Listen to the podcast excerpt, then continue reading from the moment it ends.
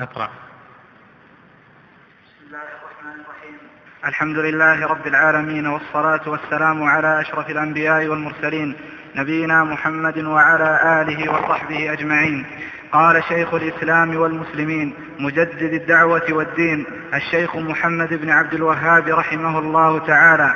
كتاب التوحيد وقول الله تعالى وما خلقت الجن والإنس إلا ليعبدون وقوله تعالى ولقد بعثنا في كل أمة رسولا أن اعبدوا الله واجتنبوا الطاغوت وقوله تعالى وقضى ربك ألا تعبدوا إلا إياه وبالوالدين إحسانا وقوله تعالى واعبدوا الله ولا تشركوا به شيئا وقوله تعالى قل تعالوا أتل ما حرم ربكم عليكم ألا تشركوا به شيئا وبالوالدين إحسانا.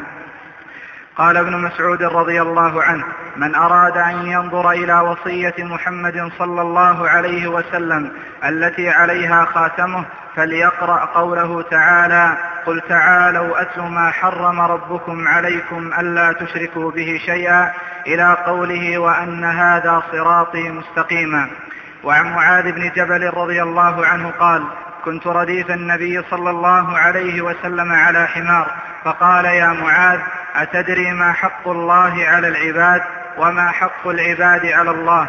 قلت الله ورسوله أعلم. قال حق الله على العباد أن يعبدوه ولا يشركوا به شيئا وحق العباد على الله ألا يعذب من لا يشرك به شيئا. قلت يا رسول الله أفلا أبشر الناس قال أفلا أبشر الناس؟ قال لا تبشرهم لا تبشرهم فيتكلوا. لا تبشرهم. قال لا تبشرهم فيتكلوا. أخرجه. قوله كتاب التوحيد.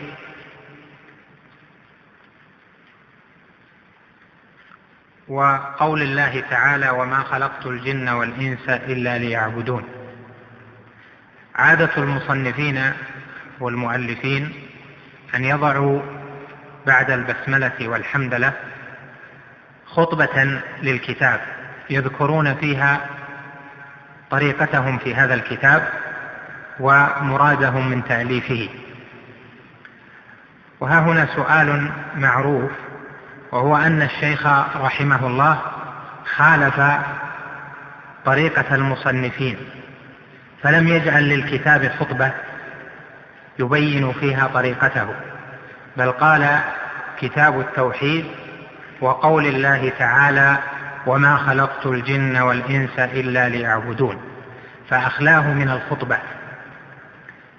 والسبب في ذلك والسر فيه فيما يظهر لي أن التوحيد الذي سيبينه الشيخ رحمه الله في هذا الكتاب هو توحيد الله جل جلاله. وتوحيد الله بينه الله جل وعلا في القرآن. فكان من الأدب في مقام التوحيد ألا يجعل فاصلا بين الحق والدال على الحق وكلام الدال عليه. فالحق الذي لله هو التوحيد. والذي دل على هذا الحق هو الله جل جلاله والدليل عليه هو كلامه وكلام رسوله صلى الله عليه وسلم. وهذا من لطائف أثر التوحيد على القلب. كما صنع البخاري رحمه الله في صحيحه إذ لم يجعل لصحيحه خطبة بل جعل صحيحه مبتدأ بالحديث. ذلك أن كتابه كتاب سنة ومن المعلوم أن الأدب ألا يتقدم بين يدي الله ورسوله فلم يقدم كلامه على كلام رسوله صلى الله عليه وسلم. فجعل البخاري صحيحه مفتتحا بقول الرسول صلى الله عليه وسلم انما الأعمال بالنيات وإنما لكل امرئ ما نوى. وكتابه كتاب سنة فجعل كتابه في ابتدائه مبتدا بكلام صاحب السنة عليه الصلاة والسلام.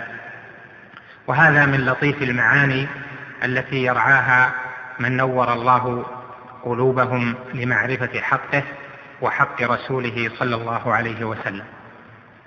كتاب التوحيد التوحيد مصدر وحد يوحد توحيدا.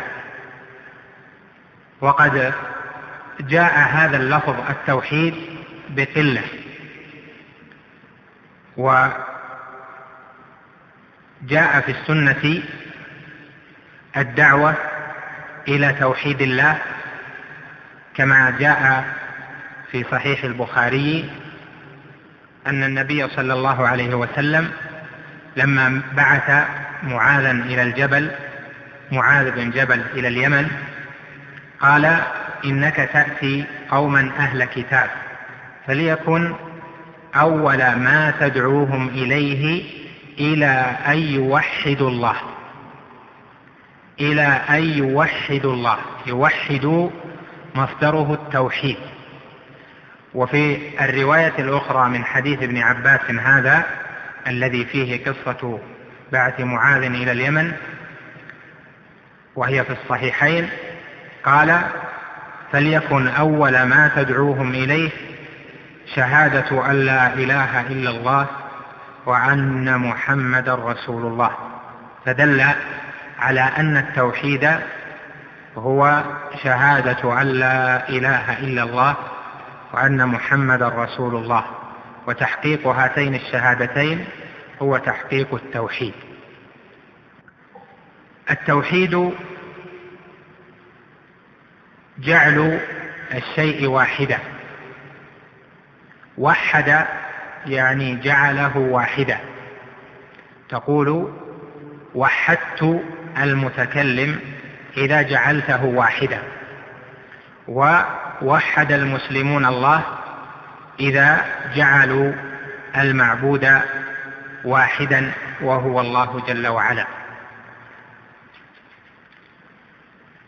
والتوحيد المطلوب يشمل ما أمر الله جل وعلا به في الكتاب من توحيده وهو ثلاثة أنواع. الأول توحيد الربوبية والثاني توحيد الألوهية والثالث توحيد الأسماء والصفات. توحيد الربوبية معناه توحيد الله بأفعاله. أفعال الله كثيرة منها الخلق والرزق والإحياء والإماتة وتدبير الملك والنفع والضر والشفاء والإجارة يجير ولا يجار عليه وإجابة دعوه المضطر وإجابة دعوه الداعي ونحو ذلك من أفراد الربوبية. فالمتفرد بذلك على الكمال هو الله جل وعلا. فتوحيد الربوبية توحيد الله بأفعاله. سبحانه. وتوحيد الألوهية مأخوذ من أله يأله. إلهة وألوهة إذا عبد مع المحبة والتعظيم. يقال تأله إذا عبد معظما محبا. ففرق بين العبادة والألوهة فإن الألوهة عبادة فيها المحبة والتعظيم والرضا بالحال والرجاء والرغب والرهب. فمصدر أله يأله ألوهة وإلهة. ولهذا قيل توحيد الإلهية وقيل توحيد الألوهية. وهما مصدران لأله يأله ومعنى أله في لغة العرب يعني عبد مع المحبة والتعظيم والتأله العبادة على ذاك النحو. قال الراجز لله در الغانيات المدهي سبحنا واسترجعن من تأله يعني من عبادتي فتوحيد الإلهية أو توحيد الألوهية هو توحيد العبادة يعني جعل العبادة لواحد وهو الله جل جلاله. والعبادة أنواع والعبادة يفعلها العبد. والله جل وعلا هو المستحق للألوهة وللعبادة يعني هو ذو الألوهة وهو ذو العبادة على خلقه أجمعين. توحيد الألوهية هو توحيد الله بأفعال العبد. أفعالك متنوعة التي تفعلها تقربا فإذا توجهت بها لواحد كنت لواحد وهو الله جل وعلا كنت موحدا توحيد الإلهية. فإذا توجه العبد بها لله ولغيره كان مشركا في هذه العبادة. والنوع الثالث من التوحيد توحيد الأسماء والصفات ومعناه أن يعتقد العبد أن الله جل جلاله واحد في أسمائه وصفاته لا مماثل له فيهما. وإن شرك بعض العباد الله جل وعلا في أصل بعض الصفات لكنهم لا يشركونه جل وعلا في كمال المعنى بل الكمال فيها لله وحده دون من سواه. فمثلا المخلوق قد يكون عزيزا والله جل جلاله هو العزيز. له للمخلوق من صفة العزة ما يناسب ذاته الحقيرة الوضيعة الفقيرة. والله جل وعلا له من كمال هذه الصفة منتهى ذلك. ليس له فيها مثيل وليس له فيها مشابه على الوجه التام. قال جل وعلا ليس كمثله شيء وهو السميع البصير. هذه الأنواع الثلاثة من التوحيد ذكرها الشيخ رحمه الله في هذا الكتاب. لكن لما كانت التصانيف قبله اعتنى فيها العلماء اعني علماء السنة والعقيدة ببيان النوعين الأخير النوعين الأول والثالث وهو توحيد الربوبية وتوحيد الأسماء والصفات. هما توحيد الربوبية وتوحيد الأسماء والصفات. لما اعتنى العلماء بهما لم يبسط الشيخ رحمه الله القول فيهما وإنما بسط القول فيما الناس بحاجة إليه ويفتقدون التصنيف فيه. وهذه طريقة الإمام رحمه الله فإن كتاباته المختلفة وإن مؤلفات الشيخ إنما كانت للحاجة ليست للتكاثر أو الاستكثار أو للتفنن وإنما كتب فيما الناس بحاجة إليه. لم يكتب لأجل أن يكتب ولكن كتب لأجل أن يدعو. وبين الأمرين فرق. فإذا الشيخ رحمه الله في هذا الكتاب بين توحيد الإلهية والعبودية وبين أفراده من التوكل والخوف والمحبة والرجاء والرغبة ونحو ذلك والاستعانة والاستغاثة والذبح والنذر. كل هذه عبادات لله سبحانه دون من سواه. والشيخ رحمه الله لما بسط ذلك بين أيضا ضده وهو الشرك. فهذا الكتاب كتاب التوحيد الذي فيه بيان توحيد العبادة والربوبية والأسماء والصفات وفيه أيضا بيان ضد ذلك وضد التوحيد الشرك والشرك اتخاذ الشريك. يعني أن يجعل واحدا شريكا لآخر. يقال أشرك بينهما إذا جعلهما اثنين أو أشرك في أمره غيره إذا جعل ذلك الأمر لاثنين. فالشرك فيه تشريك. والله جل وعلا نهى عن الشرك كما سيأتي. الشرك في كلام أهل العلم مبينين ما دلت عليه النصوص يقسم إلى قسمين باعتبار ويقسم إلى ثلاثة باعتبار آخر. الشرك يقسم إلى شرك أكبر وإلى شرك أصغر. ويقسم أيضا باعتبار آخر إلى شرك أكبر وشرك أصغر وشرك خفي. والشرك هو اتخاذ الشريك مع الله جل وعلا في الربوبية أو في العبادة أو في الأسماء والصفات.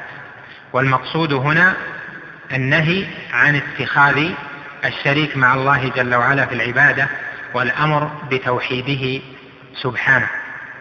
التقسيم الأول أن يكون الشرك أكبر وأصغر. الأكبر هو المخرج من الملة والأصغر ما حكم الشارع عليه بأنه شرك وليس فيه تنديد كامل يلحقه بالشرك الأكبر. وعبر عنه بعض العلماء بقوله ما كان وسيلة إلى الشرك الأكبر على هذا يكون الشرك الأكبر ثم منه ما هو ظاهر وثم منه ما هو باطن خفي. الظاهر من الشرك الأكبر كشرك عباد الأوثان والأصنام وعباد القبور والأموات والغائبين. والباطن كشرك المتوكلين على المشايخ أو على الآلهة المختلفة أو كشرك وكفر المنافقين. لأن المنافقين مشركون في الباطن فشركهم خفي ولكنه أكبر وفي الباطن وليس في الظاهر. الشرك الأصغر على هذا التقسيم منه ما هو ظاهر ومنه ما هو باطن خفي. الظاهر من الشرك الأصغر كلبس الحلقة والخيط وكالتمائم وكالحلف بغير الله ونحو ذلك من الأعمال والأقوال. والباطن من ذلك الخفي كيسير الرياء ونحو ذلك. فيكون إذن الرياء على هذا التقسيم منه ما هو أكبر كرياء المنافقين يراءون الناس ولا يذكرون الله إلا قليلا. ومنه رياء المؤمنين رياء المسلمين حيث يتصنع في صلاته أو يحب التسميع أو المراءة. التقسيم الثاني للشرك أن يكون ثلاثة أقسام. أكبر أصغر خفي. وهذا التقسيم يعنى به أن الأكبر ما هو مخرج من الملة. مما فيه صرف مما فيه صرف العبادة لغير الله جل جلاله. والأصغر ما كان وسيلة لذلك الشرك الأكبر فيه تنديد لا يبلغ به من ندد أن يخرج من الإسلام. وقد حكم الشارع على فاعله بالشرك أو حقيقة الحال أنه ندد وأشرك. الشرك الخفي هو يسير الرياء ونحو ذلك في هذا التقسيم. من أهل العلم من يقول بالأول ومنهم من يقول بالثاني وهما متقابلان وهما متساويان أحدهما يوافق الآخر ليس بينهما اختلاف. فإذا سمعت من يقول إن الشرك أكبر وأصغر هذا صحيح وإذا سمعت وهو قول أئمة الدعوة إن الشرك أكبر وأصغر وخفي فهذا أيضا صحيح.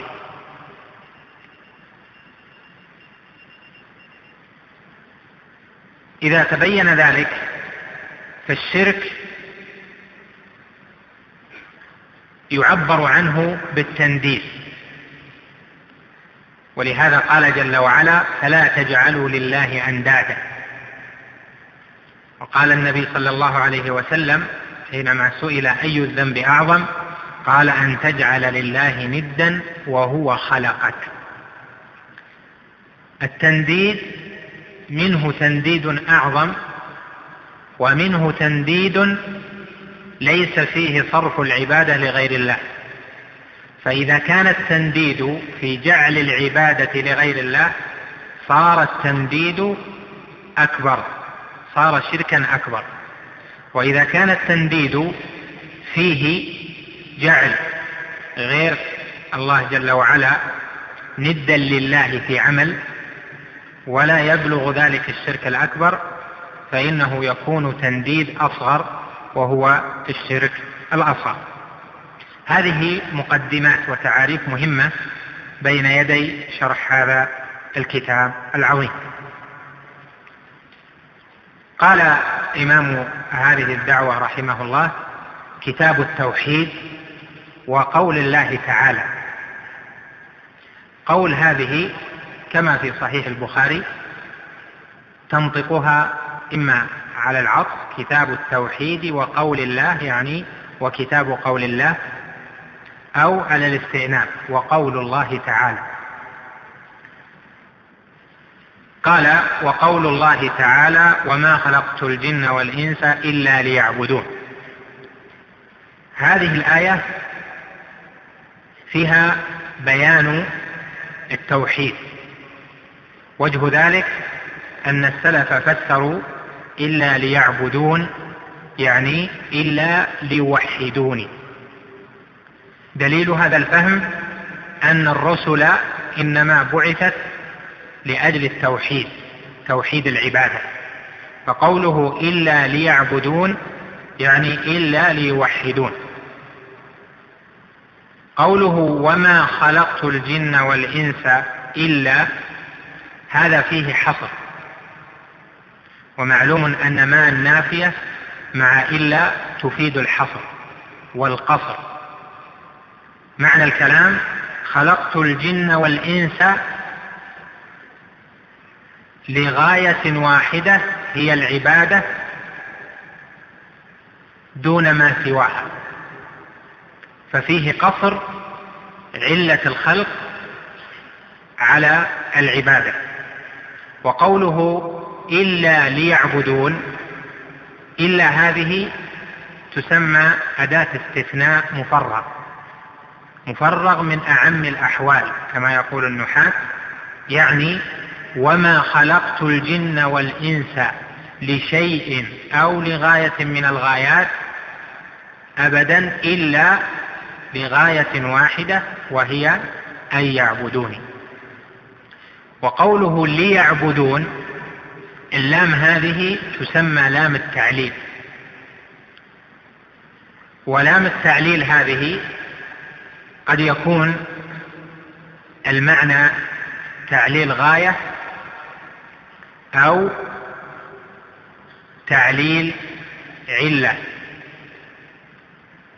تعليل الغاية يكون ما بعدها مطلوبا لكن قد يكون وقد لا يكون. يعني هذه الغاية ويسميها بعض العلماء لام الحكمة وفرق بين العلة والحكمة.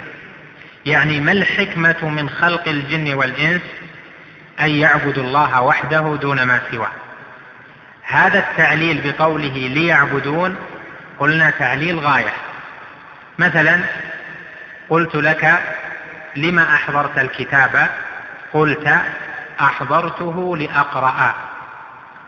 فيكون علة الإحضار أو الحكمة من الإحضار القراءة. قد تقرأ وقد لا تقرأ. بخلاف اللام التي يكون معناها العلة التي يترتب عليها معلولها والتي يقول العلماء في نحوها الحكم دائر مع علته وجودا وعدما. هذه تلك علة القياس التي لا يتخلف فيها المعلول عن العلة. فهنا اللام هذه لام علة الغاية لأن من الخلق من وجد وخلقه الله جل وعلا لكن عبد غيره. ولام الحكمة شرعية ما بعدها يكون مطلوبا شرعا. قال جل وعلا هنا وما خلقت الجن والإنس إلا ليعبدون. نفهم من هذا أن هذه الآية دالة على التوحيد من جهة أن الغاية من الخلق هو التوحيد والعبادة هنا هي التوحيد. حقيقة العبادة الخضوع والذل فإذا انضاف إليها المحبة والانقياد صارت عبادة شرعية قال طرفة تباري في وصف ناقة تباري عتاقا ناجيات وأتبعت وظيفا وظيفا فوق مور معبد. المور الطريق والمعبد هو الذي دلل من كثرة وطئ الأقدام عليه. وقال أيضا في معلقته إلى أن تحامتني العشيرة كلها وأفردت إفراد البعير المعبد يعني الذي صار ذليلا لأنه أصيب بالمرض فجعل بعيدا عن باقي الأبعرة فصار ذليلا لعدم المخالطة. في الشرع العبادة هي امتثال الأمر والنهي على جهة المحبة والرجاء والخوف. قال بعض العلماء إن العبادة هي ما أمر به من غير اضطراد عرفي من غير اقتضاء عقلي ولا اضطراد عرفي. وهذا تعريف الأصوليين. وقال شيخ الإسلام في بيان معناها في أول رسالة العبودية العبادة اسم جامع لما يحبه الله ويرضاه من الأقوال والأعمال الظاهرة والباطنة. إذا فيكون. دلالة هذه الآية أن كل فرد من أفراد العبادة يجب أن يكون لله وحده دون ما سواه. لأن الذي خلقهم خلقهم لأجل أن يعبدوه. فكونهم يعبدون غيره وهو الذي خلقهم هذا من الاعتداء والظلم لأنه ليس من يخلق كمن لا يخلق. قال جل وعلا أفمن يخلق كمن لا يخلق. قال الشيخ رحمه الله وقوله ولقد بعثنا في كل أمة رسولا أن اعبدوا الله واجتنبوا الطاغوت. هذه الآية تفسير للآية قبلها. الآية قبلها فيها بيان معنى العبادة فيها بيان الغرض من الخلق وأنه لأجل العبادة. هذه العبادة أرسلت بها الرسل بدليل قوله ولقد بعثنا في كل أمة رسولا أن اعبدوا الله واجتنبوا الطاغوت. بعثت الرسل بهاتين الكلمتين اعبدوا الله واجتنبوا الطاغوت. ففي قوله اعبدوا الله إثبات وفي, وفي قوله اجتنبوا الطاغوت نفي. وهذا معنى التوحيد وهو أنه مشتمل على إثبات ونفي. لا إله إلا الله اعبدوا الله واجتنبوا الطاغوت. لأن النفي فيه اجتناب الطاغوت وهو كل إله عبد بالبغي والظلم والعدوان. والإثبات إثبات العبادة في الله وحده دون ما سواه. ففي قوله اعبدوا الله التوحيد المثبت وفي قوله اجتنبوا الطاغوت نفي الإشراك.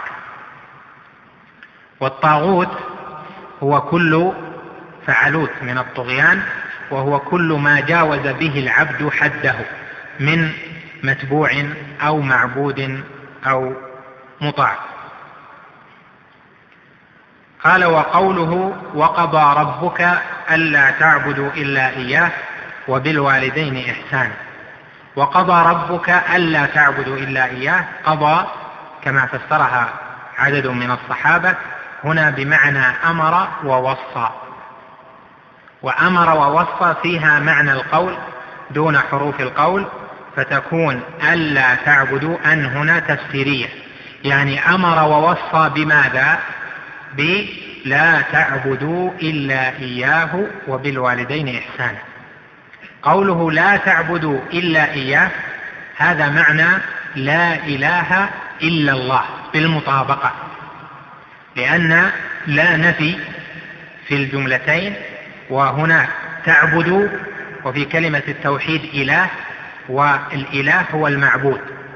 لا تعبدوا إلا إياه يعني احصروا العبادة فيه وحده دون ما سواه. أمر بهذا ووصى بهذا وهذا معنى التوحيد. فإن دلالة الآية على التوحيد ظاهرة لأن التوحيد إفراد العبادة في الله أو تحقيق كلمة لا إله إلا الله وهذا الذي دلت عليه هذه الآية. قال وبالوالدين إحسانا يعني وأحسنوا بالوالدين إحسانا قال وقوله تعالى واعبدوا الله ولا تشركوا به شيئا هذا أيضا فيه إثبات ونفي فيه أمر ونهي. أما الأمر ففي قوله اعبدوا الله والنهي في قوله ولا تشركوا به شيئا. وقد مر معك دلالة قوله اعبدوا الله مع النفي على توحيد الله. قوله هنا ولا تشركوا به شيئا لاحظ أن لا هنا نافية ومن المتقرر في علم الأصول أن النفي إذا تسلط على نكرة فإنه يفيد العموم ولا بعدها نكرة وهو المصدر المستكن في الفعل لأن الفعل المضارع مشتمل على مصدر وزمن لا تشركوا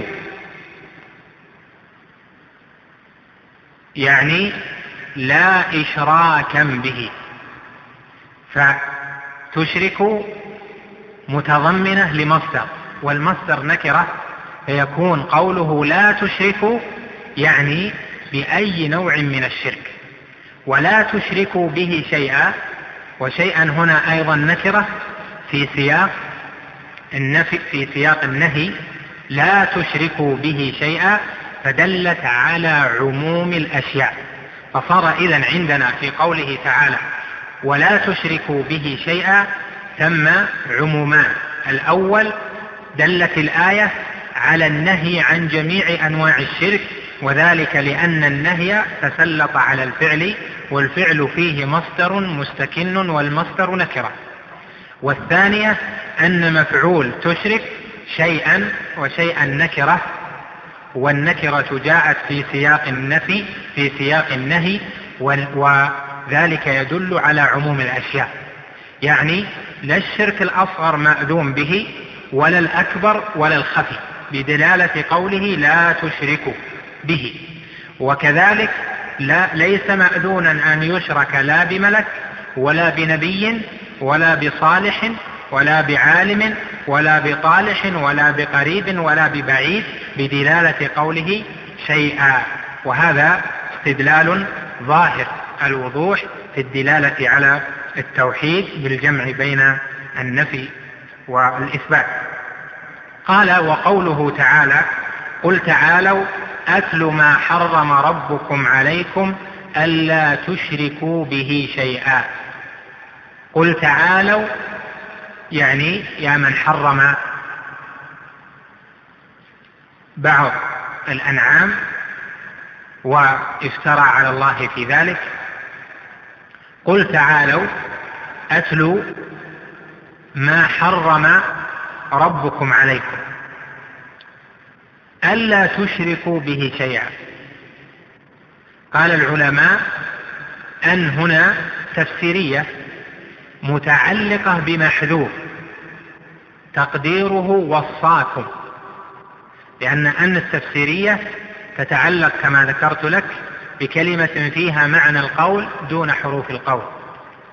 وحددوها بقوله وصاكم لأنه في آخر الآية جاء ذلكم وصاكم به. لعلكم تعقلون في الآية الأولى ثم لعلكم تذكرون في الآية الثانية ثم لعلكم تتقون في الآية الثالثة. قل تعالوا أتلوا ما حرم ربكم عليكم. ألا تشركوا به شيئا. قال العلماء أن هنا تفسيرية متعلقة بمحذوف. تقديره وصاكم. لأن أن التفسيرية تتعلق كما ذكرت لك بكلمة فيها معنى القول دون حروف القول.